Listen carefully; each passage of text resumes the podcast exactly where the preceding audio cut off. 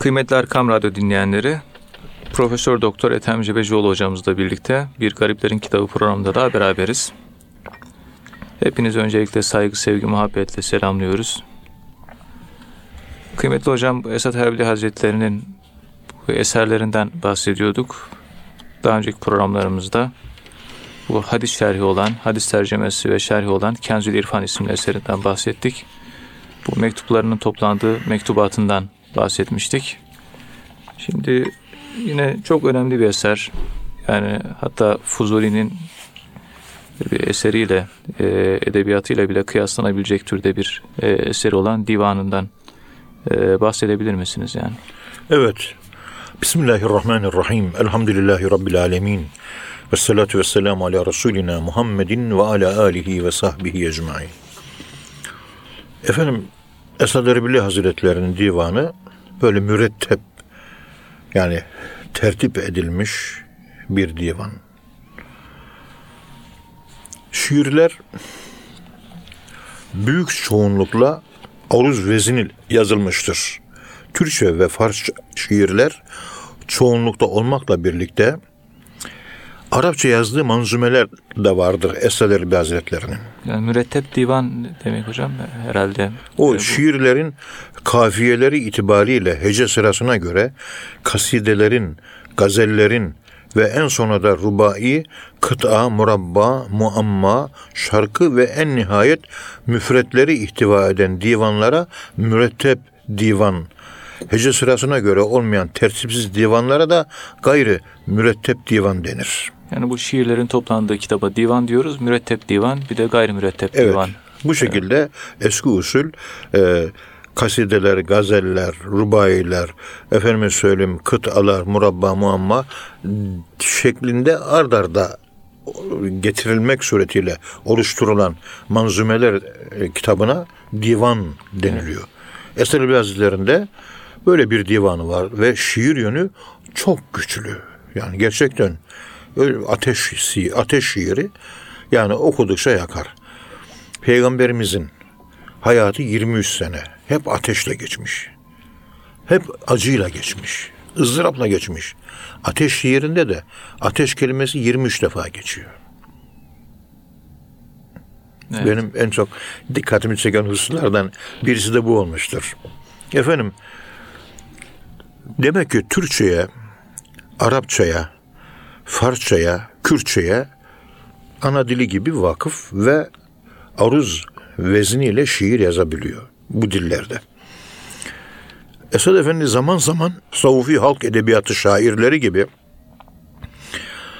şiirler yazmış ve onların dörtlüklerine beşinci satır eklemiştir. Tahmis eklemiştir. Tahmisler yazmıştır. Divan, Divanı Esad adıyla ilk defa 1918 tarihinde Evkaf matbaasında 67 sayfa olarak basılmıştır. Yeni harflerle de Cemal Bayak tarafından 1991'de basılmıştır. Divanda zaman zaman ayrı basılan bir de Farsça Mevlid-i Fatıma manzumesi bulunmaktadır. Yani Hazreti Fatıma annemize Mevlid yazmış. Bakın peygamberimize Mevlid yazılıyor. Hazreti Fatıma'ya da Mevlid yazmış. Esad Efendi yani ben duyduğuma göre Erbil'deki dergahta e, bu e, Muharrem dolayısıyla Mevlid-i Fatıma'nın okunduğu Evet. şeklinde e, böyle bir kulağıma çalınmıştı. Olsa da okusak keşke. Yani elimizde o Farsça e, o şeyi yani ben şahsen arzu ederim yani Hazreti Fatıma annemizi çok seviyoruz. Evet. Annemiz bizim o da yani Hazreti Ali Efendimizin muhterem eşi. Yani onu da okuyabilsek, bir kültürümüze yerleştirsek, kaybedilen bir değer bu da çünkü. Esed Efendi divanındaki edebi yönünü ustalıkla ortaya koyduğu gibi eserin giriş kısmında yazılışında belli bir kesime cevap vermeyi amaçladığını açıkça belirtmiştir. Yani bu da belli bir kesim e, böyle tasavvufla arası iyi olmayan veyahut da eleştiriye, eleştiriyle yaklaşanlar Hocam Mevlid e, bu Divan-ı Esad'da zannediyorum. Evet. Orada da. 250. sayfasında Hazreti Fatıma annemizle ilgili Mevlid'i burada Esad Erbil Hazretleri Hazreti Fatıma Mevlidi olarak şöyle başlıyor. Evvel Allah adın zikredelim. Fikredüp eltafına şükredelim. Her kim Allah dese elbet şad olur. Şüphesiz viranesi abad olur. Zikre hakka hasreden efkarını, Halik asan eyleye her karını. Ya. Evvela namı Hodaya da vereyim. Şükrü güyan, fikri eltafeş mi konayım. Evet, bu şekilde başlayan çok güzel. Tabi bunu bir okuma üslubu var. Tabii. Terennüm e, ve bir üslup var. Keşke okusak. Ne kadar güzel olur. İnşallah bu konuşmalarımız dua yerine geçer. İnşallah. İnşallah. Ben Hazreti Fatıma annemizi çok seviyorum. Esad Efendi eskiden bazen ilk defa tasavvufa intisap etmeden önce böyle İmam Gazali Hazretlerinin Kimya-i Saadet diye kitabı okuyorum. Böyle kalben zevk alıyorum. Böyle. Böyle kendi içimden Ey İmam Gazali seni çok seviyorum. Seni çok seviyorum. Seni çok seviyorum. Peygamberimiz bir kimseyi seviyorsanız yüzüne karşı sevdiğinizi söyleyin diyor. Peygamberimizin bir tavsiyesi bu. Evet hocam. Bunu söylerseniz karşıdakinin de size sevgisi artar. Yalancıklan bile seni seviyorum deseniz o bile tesir ediyor. Sevgi sihirli bir söz. İmam Gazali ölmüş. Aradan bin sene zaman geçmiş. 900 sene bir zaman geçmiş. Acaba benim dediğimi duyuyor mu? Evet. Ruhaniyette zaman mekan yoktur. Ve İmam Gazali'yi seviyorum. İmam Gazali'yi seviyorum. İmam Gazali'yi seviyorum. Hangi Allah dostuna seslenirseniz seslenin. Hazreti peygamberlere seslenin. Peygamberimize seslenin. Selamlar ulaşır. Sevgiler ulaşır. Arada bir engel yoktur. Tabi biz sevginin hep böyle dar sınırlarda olduğu için seni seviyorum kelimesini kullandığınız zaman hemen batıdaki anlamıyla yanlış bir mecraya dönüştürülebiliyor. Onun için bu devirde fazla sevgi kelimesini kullanmaktan kaçınıyoruz. Çünkü fitne zamanı. Üst dili bilen insan kalmadı. Yanlış anlaşılmaya müsait. Devir bozuldu. Efendim Esat Erbili Hazretleri divanında şu işretten bahsediyor. Yani yaşamak, hissetmek, işret, şevku şetaretten, neşeden, sevinçten bahsediyor. Evet. Eskiden hikmet pınarları vardı bu memlekette Osmanlı zamanında. O hikmet pınarları kurudu. Esad Erbil Hazretleri bunun için bir hikaye anlatıyor. İzin verirseniz anlatabilir miyim? Bu- Buyurun hocam lütfen. Teşekkür ederim. Bir gün soruyorlar. Önce neydi sonra ne oldu? Anlatayım diyor. Karlvete anlatıyor. Hazreti Hızır aleyhisselam bir gün bir zelzele olacak diyor. Büyük bir sallantı olacak diyor. Bütün sular yer altına çekilecek. Arkasından Allah'ın yeni bir su yolu açacağını ve yeni bir su yollayacağını söylüyor. Eski su gidecek, yeni bir su gelecek memlekete. Ama bu yeni sudan içenler delirecek, aklını kaybedecek diyor. Bunu duyan bir Allah dostu dağdaki evinde eski sudan fıçılar dolusu depo yapıyor. Yeni sudan içip de delirmeyeyim diye. Evet. Aklımı kaybetmeyeyim diye. Derken çok geçmeden Hızır Aleyhisselam'ın dediği gibi büyük bir zelzele olmuş. Ve bütün o güzel sular, hikmet suları hepsi tükenmiş, yerin altına çekilmiş. Birkaç gün içinde kaynaklardan akan sular tükenmiş. Ama dağda yaşayan adam bundan etkilenmemiş. Çünkü suyunu depolamış, tedbirini almış. Bir süre sonra şehirdekilerin tekrar suya kavuştuklarını duymuş. Ve şehirler o yeni su şehirliler şehirde yaşayanlar o yeni sudan içmeye başlamış. Hızır Aleyhisselam içenler delirecek demişti. Merak etmiş şehire inmişler. Yani suyu içenlerin halini zehirli suyu içip de zihniyet dünyası zehirlenenlerin halini görmek üzere dağdan şehire inmiş. Bakmış ki bütün şehir ahalisi, herkes o sudan içmiş. Hızır Aleyhisselam dediği gibi hepsi delirmiş.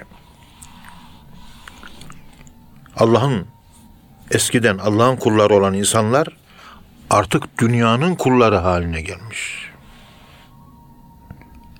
Evet. Eskiden Allah için çalışanlar şimdi cebi ve parası için çalışır hale gelmiş. O suyu içtikten sonra dünyacı olmuş. Şehirde yaşayanlar kendileri gibi düşünmediği için dağda yaşayan bu adamın delirdiğini iddia etmişler. Çünkü kendisi gibi düşünmüyor, kendileri gibi düşünmüyor, kendileri gibi de davranmıyor. Siz topluma uyarsanız toplum sizi kabul eder. Uymazsanız kafayı yemiş, bu delirmiş derler. Aklı başında adama deli demeye başlamışlar. Bu durumda dağda yaşayan adam şehirden ayrılmış, tekrar dağdaki evine çekilmiş. Ancak aradan bir süre geçtikten sonra tek başına dağda ne yapsın? Yalnızlığa dayanamayıp tekrar şehre dönmüş. Şehirdekiler önce deli diye onunla konuşmak istememişler. Bunun üzerine dağdan inen o adam hikmet suyunu bırakıp delirten suyu içmeye başlamış ve çok geçmeden o da diğerleri gibi delirmiş ve toplumda onu kabul etmiş. Sular eskiden berrak akardı hikmetle. Sular kirlendi artık akıyor zulmetle. Bismillahi. Zihniyet dünyamızın insan yapısının kararması, karartılması, Anglo-Sakson kültürle İslam kültürünün yer değişmesi, eski insan tipolojisinin yeni insan tipolojisiyle almış olduğu vahim durum. Bütün sıkıntı maalesef bundan ibaret. Uzun bir dert. Evet. Yani malın hepsini veriyorsun deli diyorlar. Ama Hazreti Ebubekir verir zaman Peygamberimiz Hazreti Ebubekir'e deli demedi ki. Tebrik etti. Veremez insanlar. Versen deli derler. Evet. Siz bütün insanlar size deli demedikçe hakiki imana eremezsiniz diye hadisler var. İşte bu su meselesiyle alakalı. Evet kıymetli hocam. Allah razı olsun. Hocam sizin de kitabınızda yer alan e, burası tekke otel değil şeklinde bir menkıbeden e, bahsediliyor. Bundan bahsedebilir misiniz? Bunu anlatabilir misiniz? Evet. Bismillahirrahmanirrahim diyelim. 15 gün tekkede kalmış. Tabi Danimarkalı Karl Vett bir bilim adamı. En son tekkeden ayrılırken tabi 15 gün kaldı, yedi, içti falan. Tabi Avrupalı mantığı. Tercüman vasıtasıyla Esed Erbili Hazretlerine bir arzusunu iletir. Ayrılmadan önce.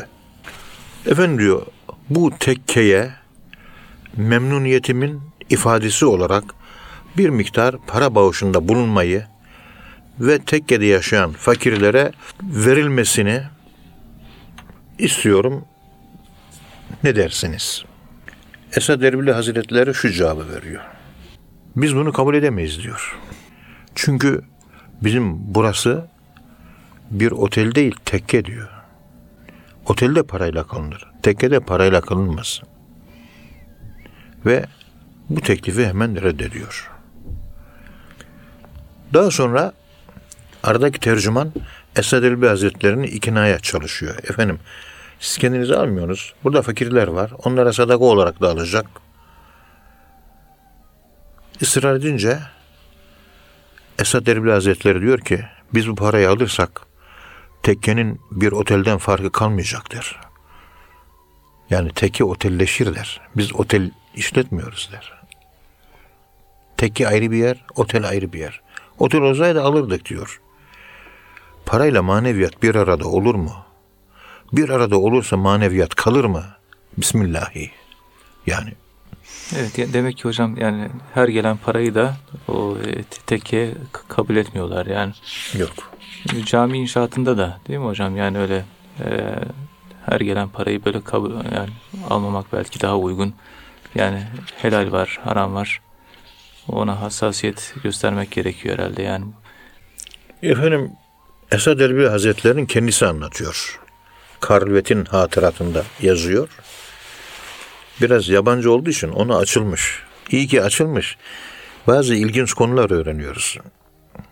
Yani siz derviş olarak gitseniz anlatın deseniz anlatmaz bunları. Ama gelen yabancıdır. Bir işte Danimarkalıdır. Karlvet. Dediklerini kırmadan olduğu gibi anlatıyor. Bir sürü sırlar ele veriyor bu arada. Onlardan bir tanesi de şu. Eser Hazretleri buyuruyor ki bir gün tekkiye felçli bir hasta getirdiler. Yani yürüyemiyor, yatalak. Sedyeyle getirdiler. Doktorlar epey bir uğraşmış ama tedavi edememiş. Ümitlerini kesmişler.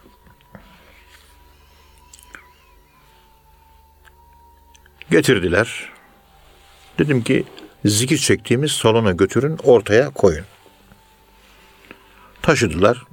Zikir çektiğimiz salonun ortasına hastayı yatırdılar. Biz de diyor Esad Elbazları ihvanımızı topladık bir daire şeklinde. Hep beraber o hastaya dua okuduk. Manen yardımcı olarak topluca ona himmet ettik. Dua etmek suretiyle. Böyle tabi dua derken himmetle dua etmek demek böyle canı gönülden ve kendinden geçerek dua etmek. Dilin ucuyla değil, kalbinin en derin yerinden dua etmeye himmet derler. Samimiyetle. Yaptığımız dualar bittiğinde hastaya evladım ayağa kalkınız dedim. Hasta olur hocam dedi. Hiç kimsenin yardım olmadan ayağa kalktı, yürüdü, evine gitti. İşte diyor Esad Elbi Hazretleri, bu olay Allah Celle Celaluhu Hazretlerinin kudretidir diyor. Tabi kendi kudret, kendi samimiyeti, Allah'a yakınlığı, Allah'la olan münasebeti Esad Elbi Hazretleri'nin fazla. Allah'a nazı geçen bir insan. Dua ediyor ve duasını Allahü Teala kabul ediyor ve hasta iyileşiyor. Bir gün şifa göklerden iner, indi Mevla'dan, dua et, uzak kalma zikr hüdadan, Bismillahi. Aslarlızade Hilmi Efendi böyle Çankırı'da yaşamış. Böyle dini zayıf insanların çoğunu Roman vatandaşlar özellikle çok içki içerlermiş galiba. Namaza pek yaklaşmazlarmış. Onların çoğunu İslam'a sımsıkı yapışmalarını sağlamış. Böyle bir şey efendi. Astarlızade Hilmi Efendi. Çankırı'da. O da bir Allah dostu. 1970'li yıllarda da vefat etti. Allah rahmet eylesin. Onun da hayatını inşallah yayınlayacağız. Hilmi Efendi dergahta dervişleriyle beraber otururken böyle eli ayağı tutmayan yaşlı ihtiyar bir adamı felçli getiriyorlar. İşte zikir salonunun ortasına koyuyorlar. Efendim doktorlar ümidi kesti. İyileşmesi mümkün değil dediler. En son kapı siz kaldınız. Başka yok. Buyurun dua edin. Ne yapacaksanız yapın. Astarlızade Hilmi Efendi hastanın ayak ucuna vardı. Elini kaldırdı. Ağlayarak şöyle dua etti. Ya Rabbi dedi. Bu hasta ben de senin aciz bir kulunum. Bu insanlar bu hastalarını bana getirdiler. Yani bende bir şey yok. Ben ne yapayım? Ama bunlar beni sana açılan bir kapı olarak görüyorlar. Yani kendileri senin kapını çalamıyorlar. Bana diyorlar ki biz duamız makbul değil. Boynumuz bükük. Sen Allah'a açılan bir kapısın. Kapıyı sen çal. Bizim çalmamızda o kapı açılmaz. Biz günahkarız. Allah seni seviyor diye böyle inandılar ve beni bir kapı olarak kabul ettiler. Benim de bir gücüm yok ya Rabbi. Ama bunlar beni Allah'a açılan bir kapı olarak gördükleri için onun hürmetine, bu inançlarının, bu hüsnü zanların hürmetine bunların bu isteğini kabul et, bu hastayı iyileşsin. Yoksa bende hiçbir şey yok ya Rabbi. Duası makbul bir insan değilim diyor. Ama bir inanarak gelmişler diyor. Yüzümü kara çıkarma ya Rabbi diyor. Böyle bu minval üzere dua ediyor. Bittikten sonra yavaşça hastayı elinden tutuyor. Kalk yavru, kalk efendim diyor. Yaşlı adammış galiba. Kalk efendim diyor. Elinden tutuyor, kaldırıyor. Adam yürüyerek gidiyor. Bizde bir şey yok diyor. Ama bizi sana açılan kapı olarak gördüler. Bu inançla geldiler. Bunların bu inançlarını, hüsnü zanlarını boşa çıkarma ya Rabbi. Tabi normalde hastaneye gideriz. Tedavi usullerine başvururuz. Hasta olan insanlar doktorların verdiği reçetelere uyar. O ilaçlara uyar. Allahü Teala'nın yeryüzüne koymuş olduğu o kevni kanunlar bunu gerektirir. Hiçbir şey artık yapamaz hale gelirsek hem tedavi hem dua, hem tedavi hem dua. En sonunda doktor bizden ümit kesilmiştir, artık ölecektir. Bu bitmiştir dediği an artık ondan sonra Allah ve hasta, dua ve Allah sadece ortada o kalır. Başka hiçbir şey kalmıyor. Böyle duaya muhtaç. Böyle çok dertli. Hakikaten elinden tutulması gereken pek çok insanlar var. Evet. Onun için geceleyin dua ederken ümmeti Muhammed'e dua etmek lazım teheccüd vakitlerinde. Genele dua etmek lazım. Umuma dua etmek lazım.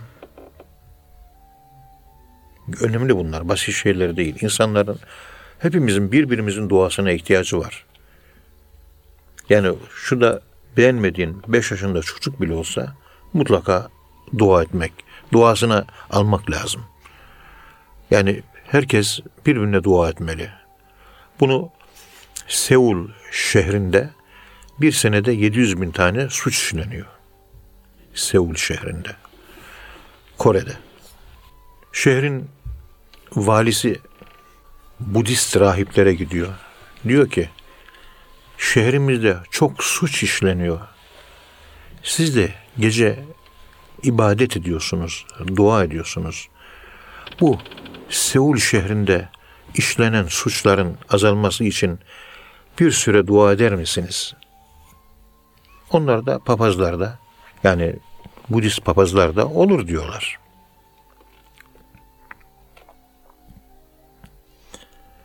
Ve papazlar geceleyin işte onlar yıkanıyorlar. Ayakta durmak ve secdeye varmak şeklinde onların da kendine göre bir namazları var. Geceleri Seul şehri için Ya Rabbi kötülüklerden kurtar, kötüler ıslah olsun diye dua etmeye başlıyorlar. Bir sene devam ediyorlar. Allah Er-Rahman isminin gereği olarak Er-Rahman ismi hem Müslüman hem kafire açılıyor. İsteyen Müslüman da olsa verir, kafir de olsa verir. Er-Rahman sıfatının incelikleri bunu gerektirir. Uzun bir anlatım. Onun için o konuya girmek istemiyorum. Evet. Sonuç şu oluyor. Seul şehrinde suç oranı o dua yapıldıktan sonra 700 binden 400 bine düşüyor. Hayret ediyorlar. İki sene devam ediyorlar. Suç oranı aşağılarda. Artık şehir iyileşti diyorlar. Duayı kesiyorlar iki sene sonra. Dua kesildi kesilmez suç oranı 800 bine fırlıyor. Amerika'da Chicago'da şehrin bir ucunda bir kanser hastanesi var. Öbür ucunda bir kanser hastanesi var. İki kanser hastanesinde de kanser hastaları tedavi görüyor. Ama şehrin bir ucundaki kanser hastalarının bulunduğu, tedavi görmüş olduğu hastane hastalar çok iyileşiyor orada. Ve iyileşme oranı yüzde altmış, yüzde yetmiş. Öbür hastanede yüzde kırk, yüzde otuz. Bu hastanede tedavi niçin verim alınamıyor? Öbür hastanede niçin verim alınıyor? Bilmiyorlar yani ne olduğunu ama başarılı olan hastanenin başhekimine başarısı düşük olan hastanenin hastanenin başhekimi gidiyor soruyor. Diyor ki ben hasta benim hastaneme gelen hastalar genellikle iyileşemiyor. Sizin bu hastanede olanlar da iyileşiyor. Bunun sebebi nedir? Merak ediyor. O da diyor ki ben bizim bu şehrin papazlarına rica ettim. Bizim hastanemizin adını verdim. Buradaki hastalar hep ölümcül hasta, iyileştiremiyoruz. Lütfen kilisede yaptığınız dualarda Allah'a dua ederken şu hastanenin hastalarına şifa ver ya Rabbi diye dua edin. İstirham ettim. Papaz da kabul etti bunu diyor. O gündür bugündür bizim hastaneye papazlar, bu şehrin papazları dua ediyorlar diyor. Onlar bu şekilde duaya başladıktan sonra hastalarda iyileşme oranı arttı. Halbuki dua eden papazlar hastalar kendilerine dua edildiğini bilmiyor. Gıyap duası. Arkasından dua yapıyorlar. Yani duanın iyileştirici bir gücü var. Alexi Carrel'in Dua diye bir kitabı var. Duanın psikolojik background'unu orada çok güzel incelemiş. Kapıyı çalmak demektir. Yani sen fakirsin, ben fakirim. Sen zenginsin. Senin kapına geldim. Kapıyı çalıyorsun. Allah cimri değil. Açar kapıyı. Ama işte ona tam bir zillet, yokluk, hiçlik duygusuyla gitmek, ben fakirim diyebilecek bir psikolojiyle varmak, niyaz diliyle yalvararak Allahü Teala Hazretlerinden içten gelen böyle bir gönül coşmasıyla canı gönülden böyle kendini acındırarak ne olursun ya Rabbi senden başka kapı yok. Boynumuz bükük, günahımız çok. Kabule şayan değiliz. Yüzümüz kara, eksiyiz, noksanız. Başka kapı yok olsa gideceğiz. Bir tek kapı. O da senin kapın. Bizi boş çevirme ya Rabbi. Sen cömertsin. Kimseyi çevirmezsin. İnsanlara gitsek bizi kabul etmiyor. Zenginlere gitsek bizi kabul etmiyor. Ama sen zenginsin. Sen kabul edensin. Senin kapın açık ya Rabbi. Bu şekilde dua edip yokluk duygusunu yaşadıktan sonra o yokluğun karanlıkları içerisinde elini kaldırıp Cenab-ı Allah'ı çağrı davet edersen, dua edersen Allahü Teala üd'uni estecib leküm. Beni çağırın, ben gelirim diyor. Eğer Allah icabet etmiyorsa sen çağırmasını bilmiyorsun demektir. Umre'deydik geçen sene. Aynı burada olduğu gibi. Öylesine ki bir kadın kucağında çocuk öyle bir ses tonu var ki herkes dönüyor para veriyor ona. Daha başka yerlerde dilenciler var. Onlara vermiyorlar. Çünkü böyle bir yalvarıyor ki ses tonu öyle ki ağlamanın karıştığı bir ses tonu. Buna niyaz adı veriliyor. Ağlamanın karıştığı bir ses tonu. Ne olursun ben böyle ağlamak daha çok arada da bir iki kelime duyuyoruz Arapça. Background'daki ağlama hüzünü kalplere o tesir ediyordu. Dua lafları var, background'da hüzün var. Fon planında fon planındaki fon planındaki hüzün, hiçlik ve yokluk duygusu Allah'a yansıyacak olan o kısım. Sen o hali elde ettikten sonra dilin söylemese de Allah hal duasıyla anlar. Hal duası etkiler. Hal duası insan da etkiliyor çünkü. Onu gördüm ben. Ve işte Esad Erbil Hazretleri'nin yaptığı dua bu şekilde yokluk makamında hiçlik, fenaya ermiş, Ve o şekilde boynu bükük. O şekilde dua ediyor. Feçli hasta onun hürmetine kabul ediliyor. Onun için dua ederken biraz boyun bükük olacak. Bir zenginden bir fakirin para istemesi, yardım istemesi edası içerisinde işlenecek. Yokluk duygusu yaşanacak. Bu yoksa Allah vermez.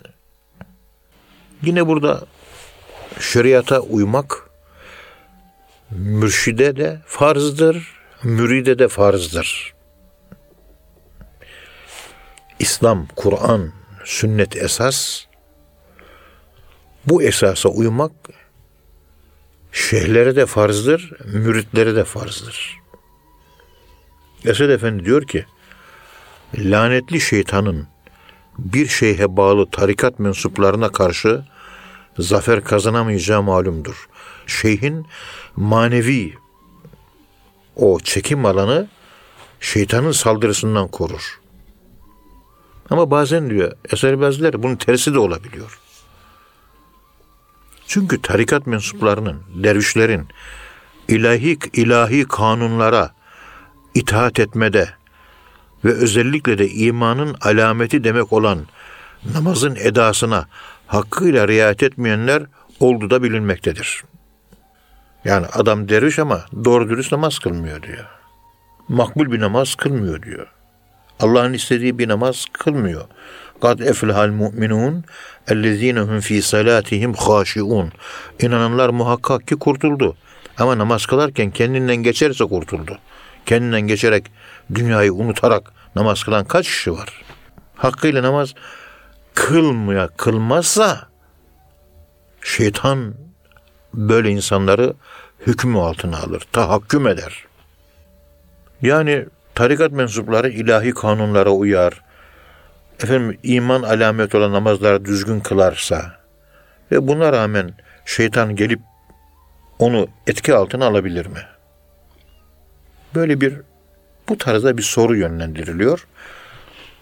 Esad Erbil Hazretleri buna cevap olarak diyebiliriz ki buradaki şeytan, şeyhden maksat şeyh adını taşıyan birisi olmayıp bilakis Allah'ın sıfatlarını tanıyan bir kimse olmakla beraber kalpten bir niyet ile ibadet ve taatlara müdavim, günahlardan kendini koruyan, nefsin istekleriyle zevklere yüz çeviren, şeriat ve tarikata hizmet eden zattır. Böyle olduğu gibi müridin de mürşidin de şeriat ve tarikat dairesinde bulunan emirlere riayet etmesi bir görevidir. Şayet yoksa şeriat olur mu tarikat? Tarikat vasıta, hedefimiz hakikat. Bismillahi. İşte Esad Erbil Hazretleri bu şekilde bizlere güzel nasihatler ediyor ve güzel mesajlar iletiyor. Keşke de- onların manevi mirasına da sahip çıkabilsek. İnşallah. Ne kadar güzel olur. Ben de bu güzel sohbeti bölmek istemedim hocam. Allah razı olsun. Ağzınıza sağlık. Bir programın daha sonuna geldik. Bir sonraki programda tekrar buluşmak ümidiyle. Hepiniz Allah'a emanet olunuz. Tamam. Hoşçakalın efendim.